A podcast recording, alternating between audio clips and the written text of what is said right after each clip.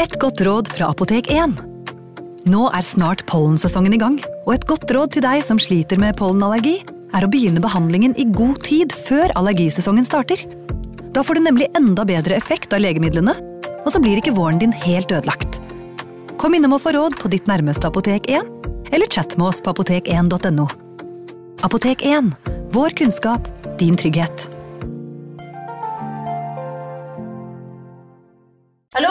Jeg kommer fra Oslo politikammer. Ine Jansen er purk. Er du purk? The motherfucking bitch. Alt jeg vil, er å finne ut hva som skjedde med mannen min. Jon Carew. Er jeg sikta for noe? Iben Akeli. Det er du. Ole So, Lars Berrum og Big Daddy Karsten. Hvem sin side er du på, egentlig? Anette Hoff, Tone Danielsen, Kommer du fra Afrika? Jørnis Josef, Nesten. Kløfta. Trond Espen Seim, Det er synd å si det, men det var feil mann som døde. Purk. Premiere tirsdag på TV2 Play.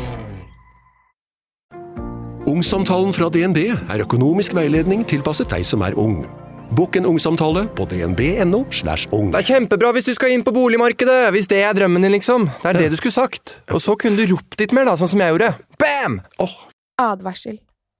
Denne podkasten inneholder skildringer av ekte drap og kriminalsaker som kan være støtende for enkelte. Det advares også mot sterke inntrykk i deler av episoden. Ned den mørke, støvete landeveien kunne frontlyktene til en ensom bil skimtes på lang vei. Om bare noen hadde vært der til å se dem der den nærmet seg den lille jordbruksbyen Snowtown. Skumringen lå over byen, der den vokste seg større i horisonten. I bilen satt to unge menn i stillhet. Ikke at det var noe galt.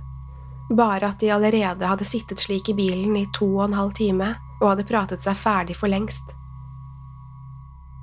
Nå satt de der i sine egne tanker mens de tilbakela nok en kilometer av de 150 de skulle kjøre denne kvelden. Mens de nærmet seg byen som lyste opp der fremme, rikket 24 år gamle David Johnson seg i passasjersetet. Er det der? sa han og pekte mot lysene i horisonten. Han kikket bort på stebroren, Jamie Vlasakis, som bare nikket bekreftende til svar. David satte seg litt opp i setet og strakk på ryggen. Stebroren hadde bedt ham bli med til Snowtown den kvelden. Sammen skulle de plukke opp en gammel datamaskin som Jamie skulle få kjøpe for en billig penge. Før de nådde inn i den lille byen, var det blitt mørkt ute, og stillheten hadde lagt seg i Snowtowns tomme gater. Verken biler eller mennesker var å se, og de to guttene hadde veiene helt for seg selv. Ved et gammelt banklokale svingte plutselig Jamie inn på parkeringsplassen. Han stoppet bilen utenfor murbygget, og de steg ut i nattemørket. David kikket litt rundt seg.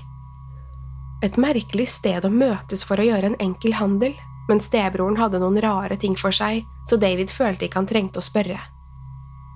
Skrittene deres ga gjenlyd mens de stille beveget seg mot den lille bygningen og rundt hushjørnet, der Jamie åpnet en sidedør. Han ledet David inn i mørket og lukket døren forsiktig bak dem. Da døren til banklokalet igjen åpnet seg, kom Jamie ut igjen, uten David, men i følge med to menn, John Bunting og Robert Wagner. Dette skulle markere slutten på kanskje den største kriminalsaken i Australias historie, og skulle besudle omdømmet til byen Snowtown for all fremtid. Det som senere skulle bli avdekket, var hele tolv grusomme drap og et knippe seriemordere uten noen sympati for sine ofre.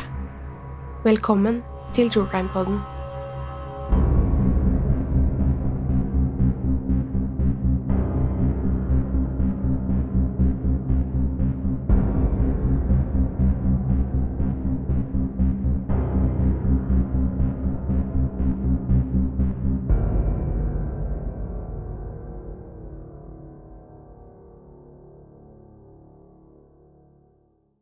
John Justin Bunting ble født 4. september 1966 i Inala, Queensland, og fikk en trøblete oppvekst.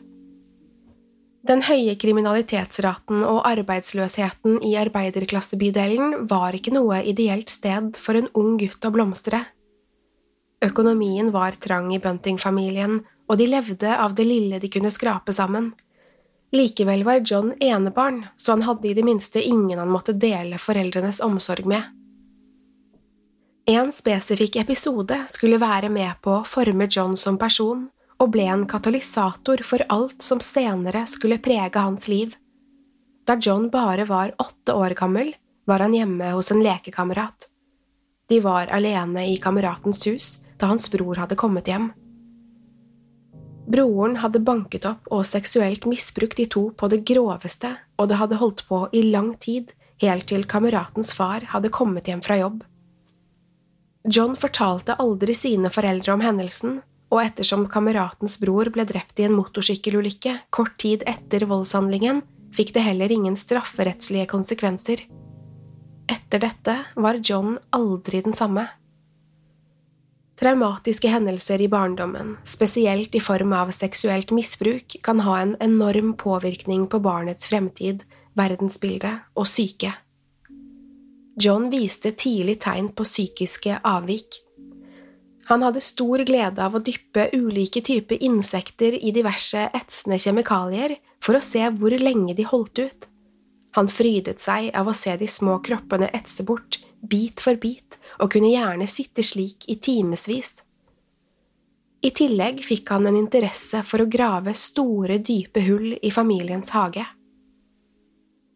Dette holdt han på med til faren til slutt ba ham stoppe fordi det begynte å bli farlig for unge John å holde på nede i de dype hullene. John utviklet etter hvert også en stor interesse for våpen og begynte til og med å eksperimentere med egne våpenkonstruksjoner. Han samlet på alt han kom over, enten det var kniver, granater eller skytevåpen, og snart hadde han en betydelig kolleksjon. Denne fascinasjonen for våpen og våpenhistorie førte han også på sporet av bøker om andre verdenskrig. På det lokale biblioteket fantes det mange bøker som tente Johns interesse. Spesielt fascinert ble han da han kom over en engelsk utgave av Adolf Hitlers Mein Kampf i en støvete bokhylle. John leste med stor interesse Hitlers budskap om hvit makt og den ariske herskerrase, og han begynte snart å stolt identifisere seg med sitt nye idol. Mens nynazistiske holdninger festet seg til den unge guttens hjernebark, utviklet det seg også et uopprettelig og intenst hat mot pedofile og homofile, og de to gruppene var, i Johns øyne, uatskillelige. Han begynte snart å legge stor innsats i å finne ut hvor lokale homofile bodde, slik at han kunne holde øye med dem, som han selv kalte det. Johns syn på homofili var dessverre på ingen måte unikt i Australia tidlig på 70-tallet, og at han også var påvirket av miljøet rundt seg, er det liten tvil om. I 1986 var John blitt 20 år gammel. Han bestemte seg da for å flytte bort fra Queensland og til Adelaide, sør i Australia, og i en alder av 22 begynte John å arbeide i et slakterhus. Han elsket jobben sin og skrøt ofte til venner og kjente av alle dyrene han personlig hadde slaktet. Yndlingsmetoden mente han var et snitt over halsen eller med strømpistol mot dyrets hode. Det er likevel viktig å ta skrytet med en klype salt. Det fantes nemlig ingenting i slakterhusets register om at John noen gang hadde hatt noe med selve slakterprosessen å gjøre. Om historiene var oppspinn eller ei, er ikke godt å vite, men at John passet ypperlig i jobben, var det ingen tvil om. Som barn hadde John nemlig vært igjennom en sykdom som hadde resultert i tap av luktesansen, og nå kom det godt med. Lukten fra slakterhuset var ikke et problem for John, og han kunne arbeide lange skift uten å påvirkes av den grusomme stanken. Adelaide er hovedstaden i delstaten Sør-Australia og rommer et mylder av ulike kulturer og religioner. Byen er en planlagt by som vil si at den er bygget etter en plan om å skape en storby. Altså har byen ikke blitt til ved naturlig tilflytning, slik de fleste storbyer i for eksempel Europa. Adelaide skulle i sin tid bli et tryggere og åpnere samfunn enn andre storbyer og hovedsteder i Australia, der religion og kultur fikk vokse fritt. Flere kirkesamfunn fant grobunn i byen, og flere og flere bedehus kom til. Dette ga Adelaide tilnavnet City of Churches, eller Kirkenes by. Likevel kan ikke alt planlegges like godt, og Adelaide måtte snart bøye seg for det voksne, moderne samfunnet. Flere forsteder med lavkostnads kommunal bebyggelse måtte utvikles for å takle den etter hvert store tilflyttingen. Arbeidsløshet og kriminalitet ble raskt hverdagskost i disse forstedene. John hadde siden barndommen vært en einstøing, og det var blitt få nære venner eller romantiske forhold, men i 1989 snudde denne trenden. Dette var året han møtte Veronica Tripp, og de giftet seg snart. Veronica var nær ved å være blind og kunne verken lese eller skrive. Noen år senere, i 1991, flyttet paret til Salisbury North, en liten forstad i Adelaide, der de ble naboer med et annet par, Barry Lane og Robert Wagner. John og Robert ble snart nære venner, og de tilbrakte mye tid sammen. Dette var egentlig et umulig vennskap, da Robert og Barry var homofile, og Barry var hele 16 år eldre enn Robert. Og som om ikke det var nok, var Barry tidligere dømt for pedofili og seksuelt misbruk av mindreårige gutter, altså representerte paret alt det John hatet. Paret hadde også en turbulent fortid. De hadde møttes da Robert bare var 13 år gammel, og han og Barry hadde rømt fra Adelaide sammen for å slippe unna Roberts familie. Naturlig nok godtok ikke de at sønnen skulle være sammen med den 16 år eldre, tidligere straffedømte Barry. Da Robert var blitt 18 år gammel, hadde de flyttet tilbake til Adelaide og slått seg ned i Salisbury North. Som et åpent homofilt par i en konservativ arbeiderklasseforstad opplevde de mye hets fra naboer, og det var ikke sjelden huset deres ble rasert eller tagget ned med nedsettende ord og symboler. Så hvordan kunne det skje at John og Robert kunne holde et så nært vennskap gående? John var fremdeles en radikal homofob som stadig uttalte seg i all offentlighet om sitt forvrengte verdensbilde. Hvordan kunne de to, som i utgangspunktet representerte to motpoler, finne sammen? Svaret fantes i deres felles interesse for Adolf Hitlers ideologi. Sammen var de en kort periode medlemmer av Australias svar på Ku Klux Klan, en nynazistisk radikalnasjonalistisk gruppering ved navn National Action. Men grupperingen valgte snart å bannlyse de to fra møter og aktiviteter, fordi de fremsto som for radikale og ekstreme for gruppen. En annen faktor i det merkelige vennskapet var at John mistenkte at Robert egentlig ikke var homofil og kun var hjernevasket av Barry fra tidlig alder. John ga seg selv derfor oppdraget å redde Robert fra sin tilværelse. Robert og Barry hadde også en annen funksjon i Johns liv. Som i uttrykket Hold dine venner nære og dine fiender nærere kunne John bruke naboparet som en måte å holde oversikt over andre homofile i Salisbury North-området, slik han hadde gjort i Queensland.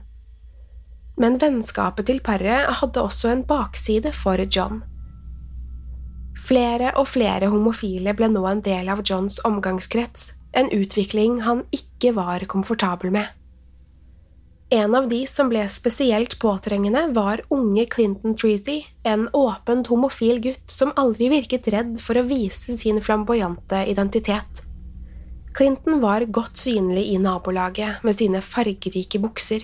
Dette ledet John til å gi Clinton kallenavnet Happy Pants. Dette virket som et hyggelig og morsomt kallenavn, men sannheten var at det var spekket med avsky fra Johns side. John tilbrakte tid med Clinton hjemme hos Robert og Barry, men utenom de tre virket det som Clintons sosiale sirkel var relativt liten. Dette betydde at han til tider tilbrakte mye tid sammen med trekløveret, og i august 1992 hadde John fått nok av den påtrengende gutten.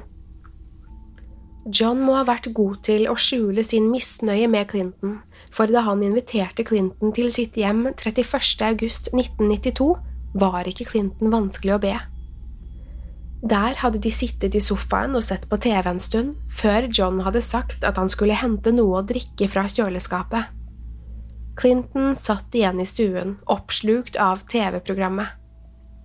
Uten at Clinton hadde merket det, hadde John dukket opp bak ham med en stor spade i nevene. Med kraften av 20 års hat mot homofile hadde John slått Clinton i bakhodet med flatsiden av spaden. Clinton gikk rett i gulvet, smerten ringet i ørene og blodet fløt fra hodet, men han klarte på et eller annet vis å karre seg opp i knestående.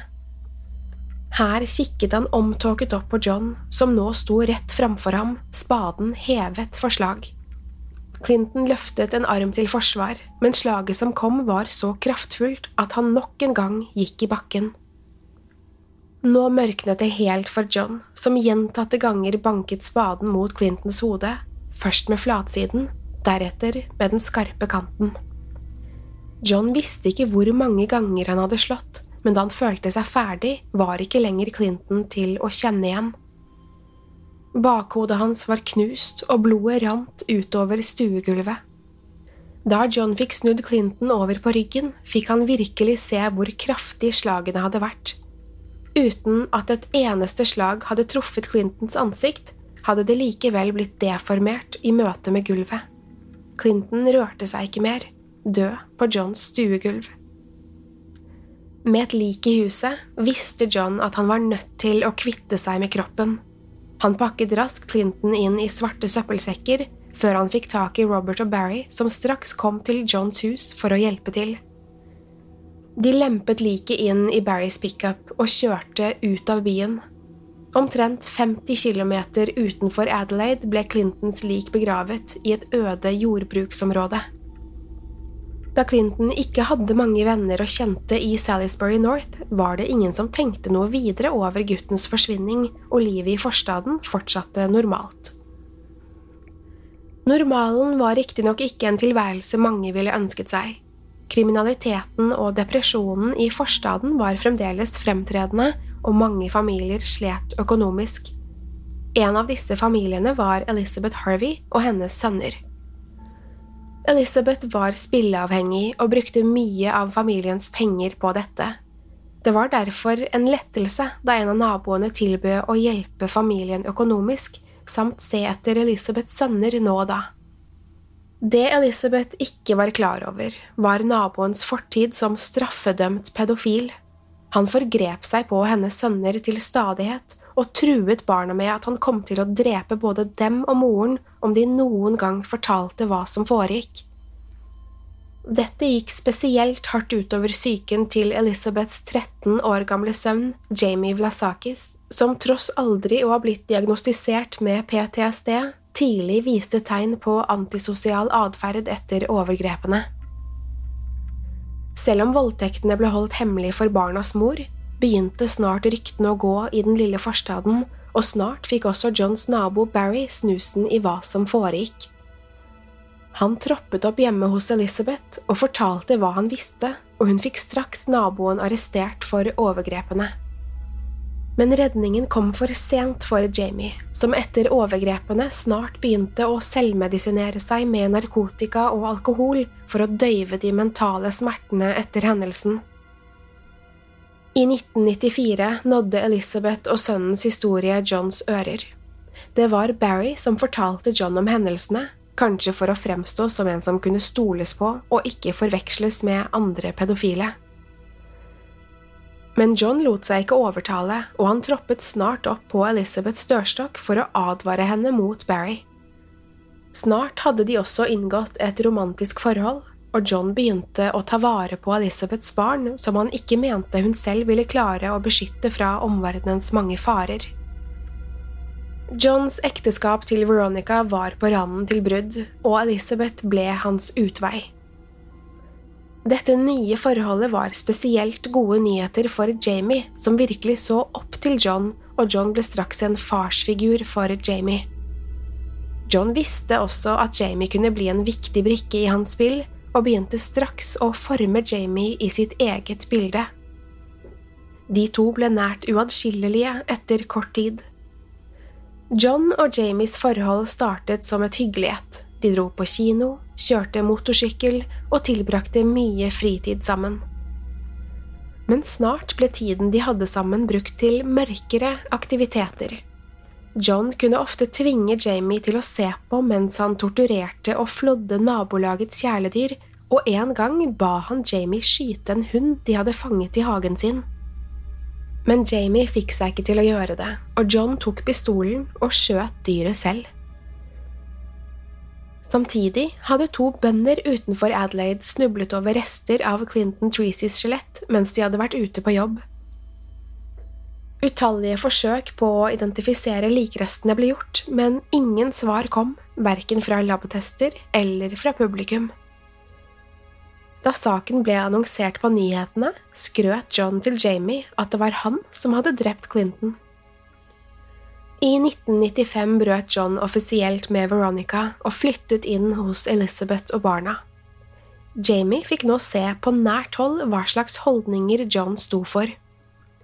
John holdt fremdeles en oppdatert oversikt over alle i Salisbury North han mente kunne være pedofil eller homofil. Han skal ha dedikert en vegg i hjemmet med bilder, informasjon og røde tråder knyttet mellom mistenksomme personer ikke noe ulik man kan se i en detektivfilm. Veggen fikk snart navnet Edderkoppveggen. Personene på Johns vegg ble utsatt for store mengder hat fra John, som tagget ned husene deres eller ringte dem for å kjefte på dem. Selv om dette var skremmende og plagsomt for de som ble utsatt for Johns konstante hets, var det likevel nokså harmløst, og ingen personer kom til skade men John hadde allerede bevist at han var villig til å drepe for å renske nabolaget for de han kalte dirties, skitne personer.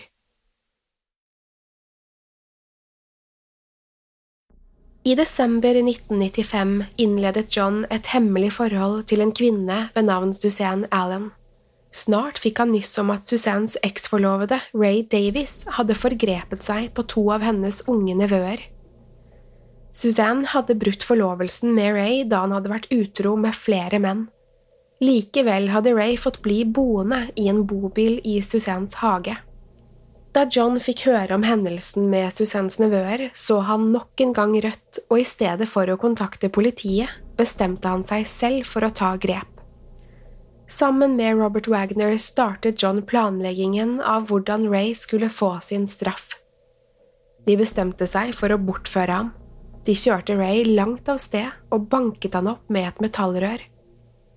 Etterpå kjørte de den blodige mannen, som fortsatt var i live, tilbake til Adelaide. Der førte de Ray inn i Johns hus, hvor de fortsatte å gå løs på ham med det de kunne få fingrene i. Da de følte seg fornøyd, bandt de startkabler rundt Rays hals og kvalte ham til døde. Nok en gang satt John igjen med et lik som måtte forsvinne, Heldigvis for han og Robert hadde John fortsatt sin fascinasjon for å grave dype hull i hagen. Rays lik endte opp i et hull John allerede hadde gravd opp. For å dekke alle spor etter drapet tok John først kontakt med Suzanne og fortalte at de hadde jaget Ray bort fra byen. I tillegg hadde John tatt Rays bankkort før liket ble gravd ned, og med dette kunne han hente ut Rays uføretrygd jevnt og trutt. Ikke var dette bare økonomisk vinning for John, men det gjorde også at ingen mistenkte at Ray var noe annet enn i live. Det skulle ikke engang gå et år før John begikk sitt neste drap. Like etter at Ray var begravet og glemt, bestemte John seg for at han var lei av Suzanne, og han gjorde det slutt. Dette gjorde større skade på Suzanne enn John først hadde antatt, og hun begynte snart å bli påtrengende og plagsom. Hun sendte lange kjærlighetsbrev, ringte konstant og til og med oppholdt seg i nærheten av Johns hus i håp om å vinne ham tilbake. I november 1996 hadde John fått nok av Suzannes konstante kjærlighetserklæringer. Hvordan Suzanne døde, var usikkert, og John påsto senere at han hadde funnet henne død en dag han hadde brutt seg inn hos henne. Sammen med Robert hadde han flyttet liket til badekaret, der de sakte hadde begynt å partere det. De plasserte kroppsdelene i søppelsekker og kastet sekkene i det samme hullet der de bare elleve måneder tidligere hadde begravet Ray. De fylte så hullet med sement. Nå hadde John og Robert til sammen tre liv på samvittigheten. Snart etter dette fant Robert ut at det var på tide å bryte ut av forholdet med Barry. Johns innflytelse hadde til slutt nådd inn, og Robert ville ikke lenger assosieres med det homofile miljøet. Snart fant han også en kvinne villig til å forlove seg med ham. Hun var allerede mor til tre, men dette godtok Robert. Roberts nye forlovede hadde også en nær venn ved navn Michael Gardner, en 19 år gammel, åpent homofil mann. Michael var stadig på besøk og passet gjerne barna når det trengtes. En dag Michael var på besøk hos Robert og forloveden, ble Robert vitne til at Michael la hånden for munnen til et av barna mens de lekte sammen. Dette må ha trigget noe i Robert. Han var også merket av traumatiske seksuelle misbruk som barn av en nær familievenn, og det hadde hendt at overgriperen hadde lagt hånden for Roberts munn for å holde ham fra å skrike. Han bestemte seg straks for at Michael måtte straffes for denne tilsynelatende harmløse handlingen. I september 1997 passet Michael Roberts forlovedes hus i en tid, og dette var tidspunktet Robert og John bestemte seg for å slå til. På lik linje med Ray ble Michael bortført og utsatt for ekstrem vold og tortur før de hang ham fra en takbjelke.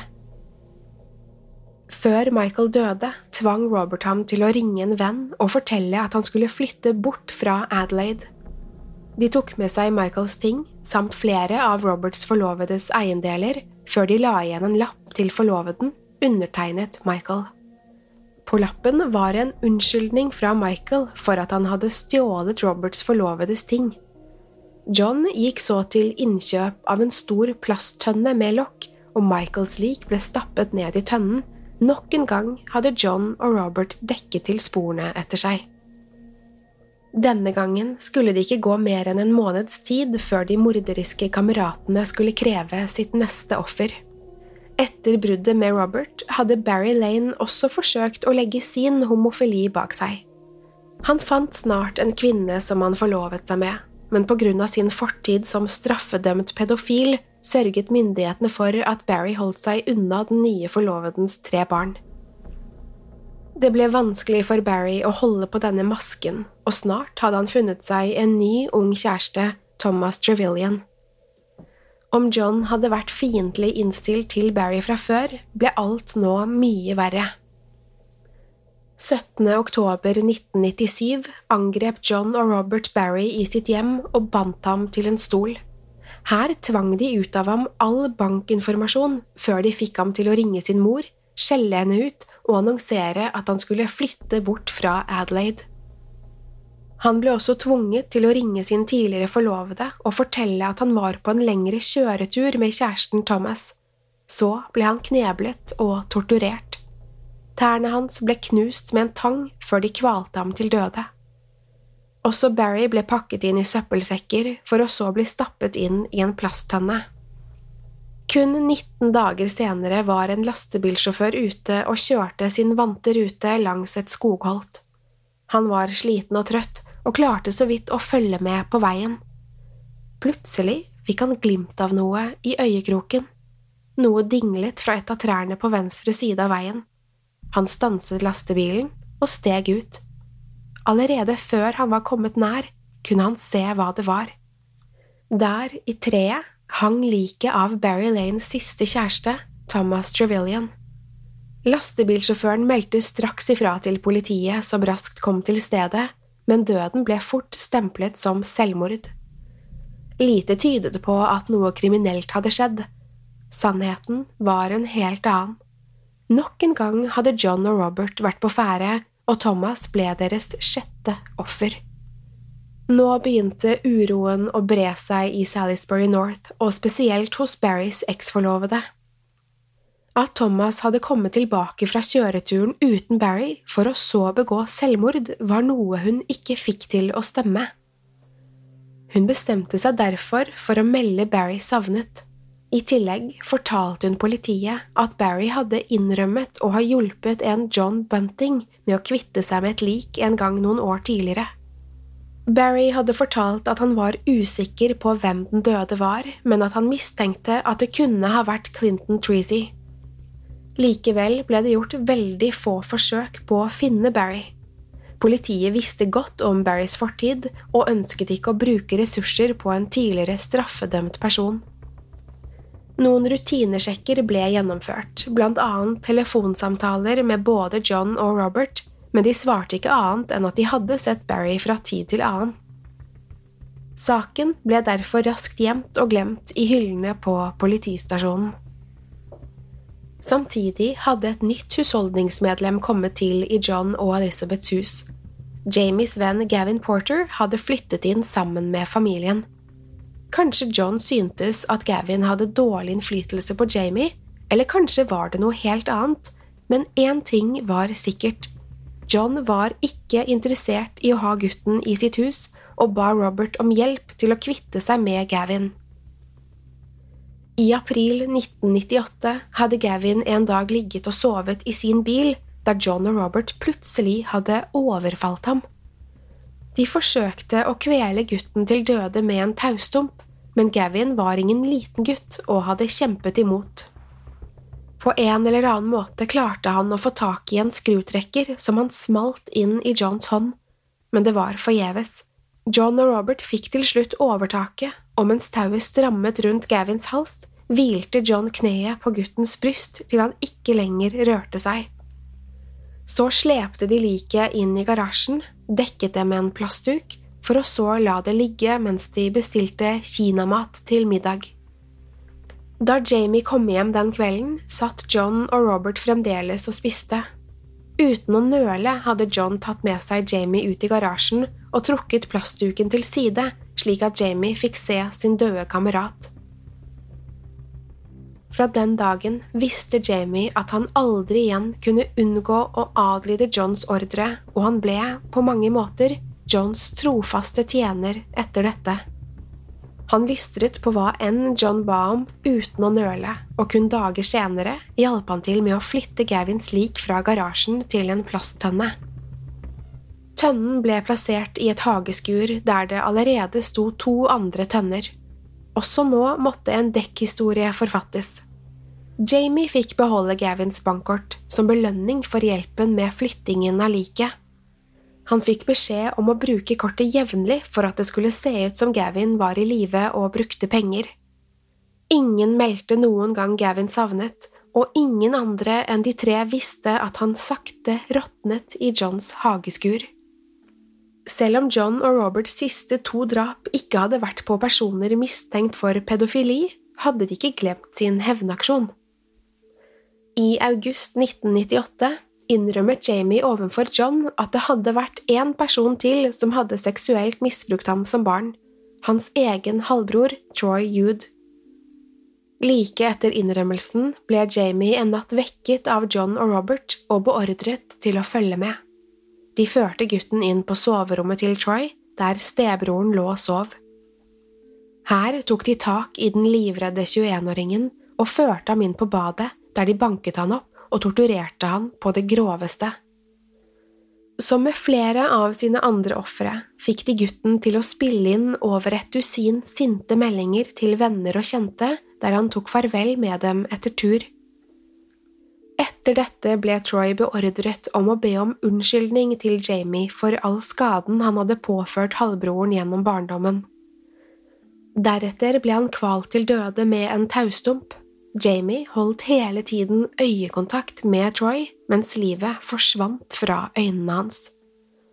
Som med Gavin ble også Troy pakket inn i plast og etterlatt i garasjen før liket noen dager senere ble flyttet til enda en plasttønne. Men Troy var altfor stor for å få plass i tønnen, og mens Jamie fulgte med, skar John av en av Troys føtter slik at han skulle passe i dunken. For de som kjente Troy, virket det spesielt at han bare skulle pakke sakene sine og forlate byen sånn helt uten videre. Ekstra spesielt var det for Troys mor Elizabeth, som også var Johns samboer. Elizabeth var klar over at John var en drapsmann, men enten så visste hun ikke, eller så ville hun ikke innse at John kunne ha noe med Troys forsvinning å gjøre. Johns forhold til Elizabeth hadde begynt å bli for kjedelig for John, og han fant seg snart en elskerinne ved navn Gail St. Clair som han møtte gjennom deres felles venn Mark Hayden. Gail bodde i en periode i Mark og hans kone Elizabeth Haydens hus og var hennes søster. John var ofte på besøk, enten for å være med elskerinnen eller for å tilbringe tid med sin gode venn Mark. Gail hadde også en tenåringssønn, Frederick Brooks, men Gail kunne ikke sies å være noen god mor. Frederick kunne ikke fordra sin mor og snakket åpent om hvor mye han mislikte hennes nye, hemmelige kjæreste John. Dette likte John dårlig, og han klarte å overbevise Jamie om at Frederick var homofil og pedofil. Frederick havnet da snart på Johns liste over dødsdømte. I september 1998, mindre enn en måned etter drapet på Troy, reiste John og Jamie sammen til et forlatt hus der Robert allerede ventet med Frederick. Her bandt de Frederick på armer og ben før de førte ham inn på badet og ned i badekaret. Her ble den vettskremte tenåringen torturert og banket opp på samme måte som Troy hadde blitt. Hele tiden forsøkte John å få fram en tilståelse fra Frederick om et forhold han skulle ha hatt til en ung jente. Om John virkelig trodde Frederick var pedofil, eller om dette kun var for å overbevise Jamie, var umulig å vite. Men uansett hvor mye de torturerte gutten, nektet han like innstendig for å ha hatt et slikt forhold. Dette varte helt til Frederick ikke lenger klarte å holde ut torturen og sa seg til slutt enig i hva enn John og Robert sa om ham. Om han hadde håpet at dette skulle ende den fryktelige torturen, tok han feil. Nå ble alt bare enda verre, og Jamie ble vitne til hvordan mennene frydet seg over skadene de påførte tenåringen. Til slutt var det ikke liv igjen i unge Frederick, og liket ble pakket inn i plastikk før det ble flyttet til Mark Haydens garasje. Dette ble den midlertidige oppbevaringsplassen mens de ventet på en ny plasttønne. Fredericks mor Gail ble bekymret over sønnens forsvinning. Hun bestemte seg for å melde sønnen savnet, men John fikk fortalt at han hadde sett Frederick i byen, neddopet og skrøpelig. Deretter spilte han av et opptak av Fredericks avskjedstale til moren, den samme typen som andre etterlatte etter John og Roberts ofre hadde mottatt. Gales forhold til sønnen var så turbulent fra før at hun straks ringte politiet og ba dem trekke savnetmeldingen. John, Robert og Jamie hadde nå rensket sin omgangskrets for dirties. Det var ikke flere navn på Johns edderkoppvegg men John følte seg ikke fornøyd og var konstant på utkikk etter noen han kunne straffe for pedofili eller homofili. I oktober 1998 hadde John fått øye på en person i Salisbury North han mente oppførte seg homofilt, som han kalte det. Mer skulle ikke til før 29 år gamle Gary O'Dwyer havnet på Johns liste. Gary var en lettlurt stakkar. Mentale problemer, narkotika og alkoholmisbruk sørget for at han hadde få venner, og enhver invitasjon til vennskap tok han imot med stor entusiasme.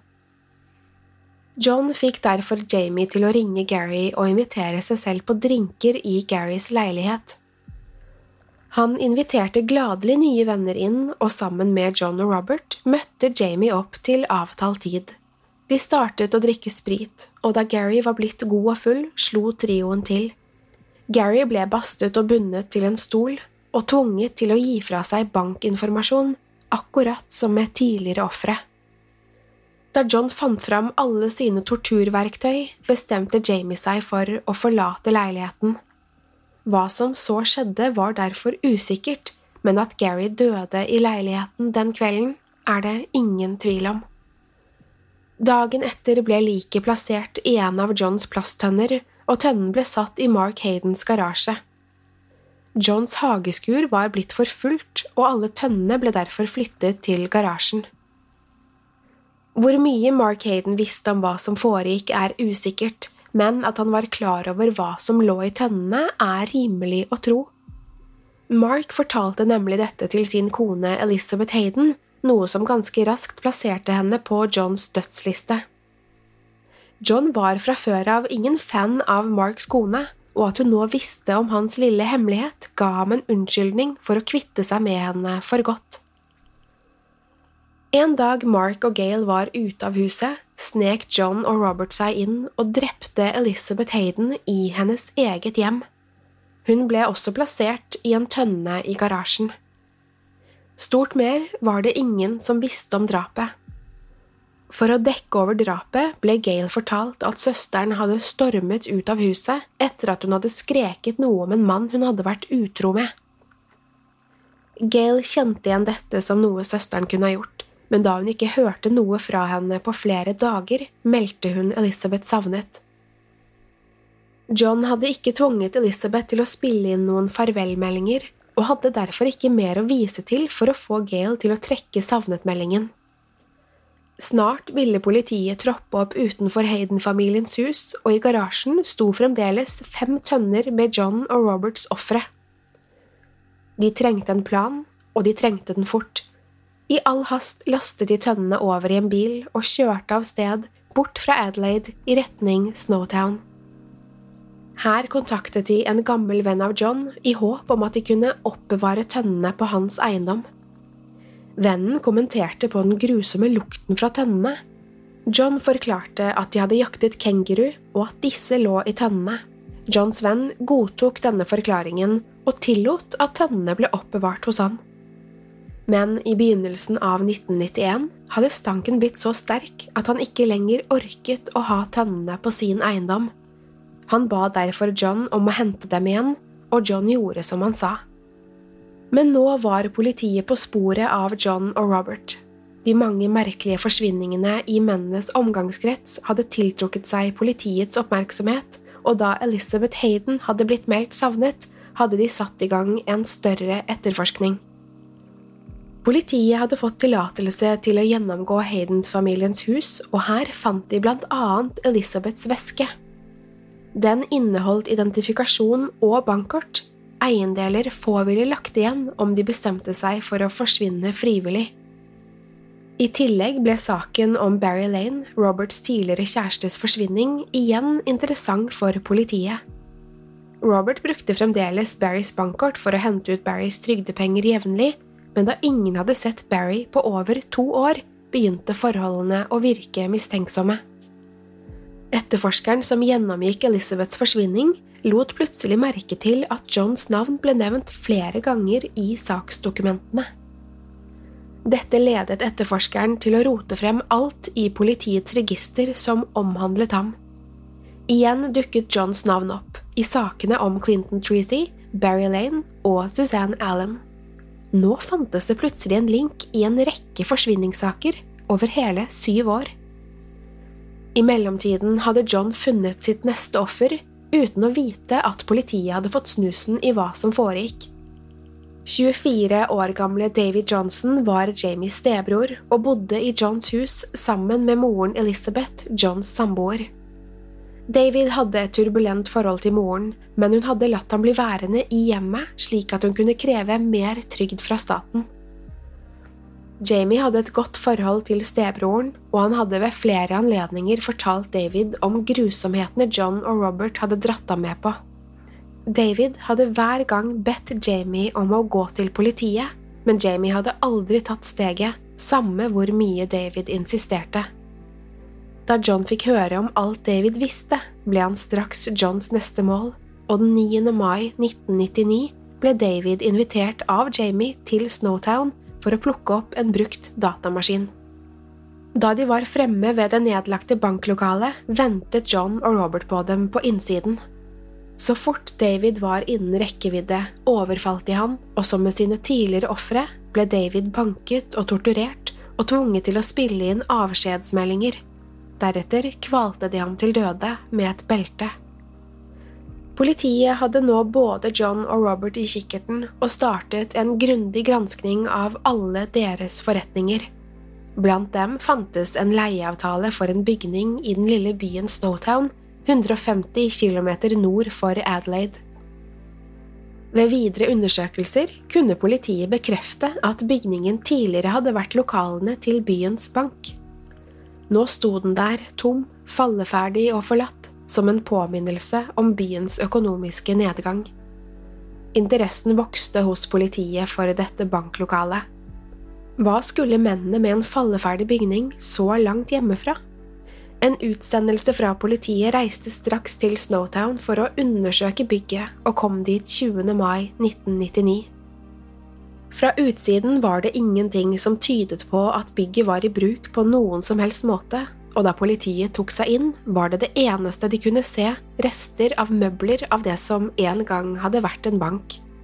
Det og en luftforfrisker som virket adskillig nyere enn noe annet i rommet. Videre tok politiet seg bakover i lokalet, hvor de fant den store, armerte døren til det gamle bankhvelvet. Døren var låst, men med politiets spesialverktøy fikk de åpnet den. En fryktelig stank slo mot dem, og flere av politibetjentene måtte tre ut av bygningen for å ikke kaste opp. På innsiden av døren hang et stykke fuktsperre som en stor plastduk som dekket inngangen til hvelvet. Forsiktig med å ikke ta på noe uten hansker, ble duken løftet unna, og rommet innenfor ble blottlagt.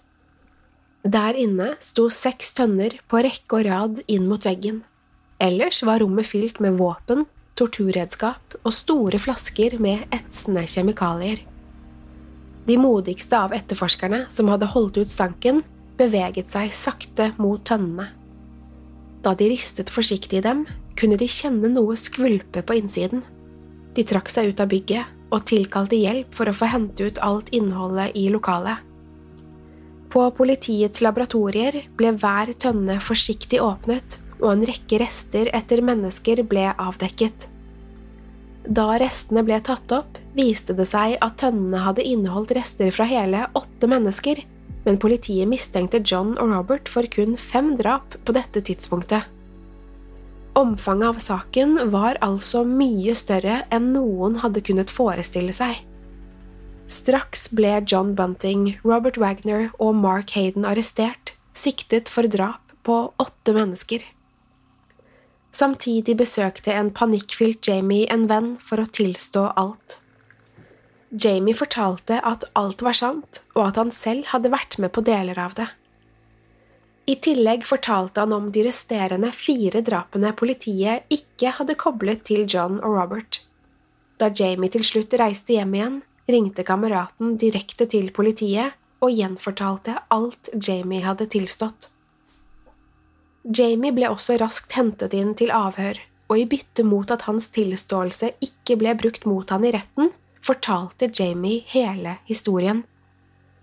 I hele ti dager satt han i avhør og fortalte hver grusomme detalj, og det tok på for den unge gutten. Flere ganger måtte han stanse for å kaste opp eller brøt sammen i panikk, noe som ledet rettspsykiatere til å konkludere med at han, i motsetning til de andre gjerningsmennene, ikke var en kaldblodig morder. Da dommen falt, etter det som skulle bli den lengste rettssaken i Australias historie, mottok John Bunting elleve livstidsdommer uten mulighet for prøveløslatelse. Robert Wagner, som ble regnet som Johns høyre hånd og ikke lederen, mottok ti livstidsdommer uten mulighet for prøveløslatelse. Jamie Vlasakis mottok fire livstidsdommer med mulighet for prøveløslatelse, den mildeste straffen han kunne fått for drap. Og Mark Hayden ble dømt til 25 års fengsel for medvirkning til drap og for å ha medvirket til å holde drapene skjult for politiet. Mediene døpte straks saken Snowtown-mordene, til tross for at kun ett av drapene hadde funnet sted i byen. Dessverre var det allerede for sent, og navnet satte seg på nasjonens tunger. Dette skulle besudle byens rykte for all fremtid, og selv om Snowtown de første par årene opplevde noe økt turisme som resultat av tilnavnet, falt populariteten raskt. Tolv mord var begått, og straffen var utdelt, men Snowtown ble aldri det samme igjen.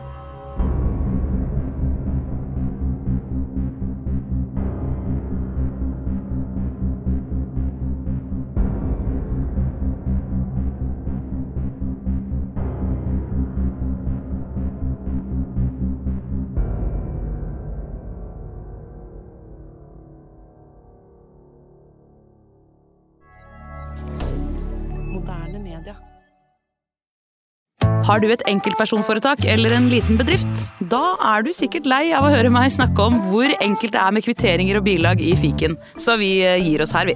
Fordi vi liker enkelt. Fiken superenkelt regnskap. Hei! Takk for at du lytter til True Crime Podden. Skulle du ønske at du kunne høre en ny episode av denne podkasten hver eneste uke? Vel, da er det bare å laste ned podkastappen Untold med en gang. I tillegg til ukentlige episoder av podkaster som Skrekkpodden, Synderne og Henrettelsespodden, får du masse annet reklamefritt og eksklusivt innhold. Last ned Untold i AppStore eller Google Play, og start din 30 dagers prøveperiode i dag. Untold.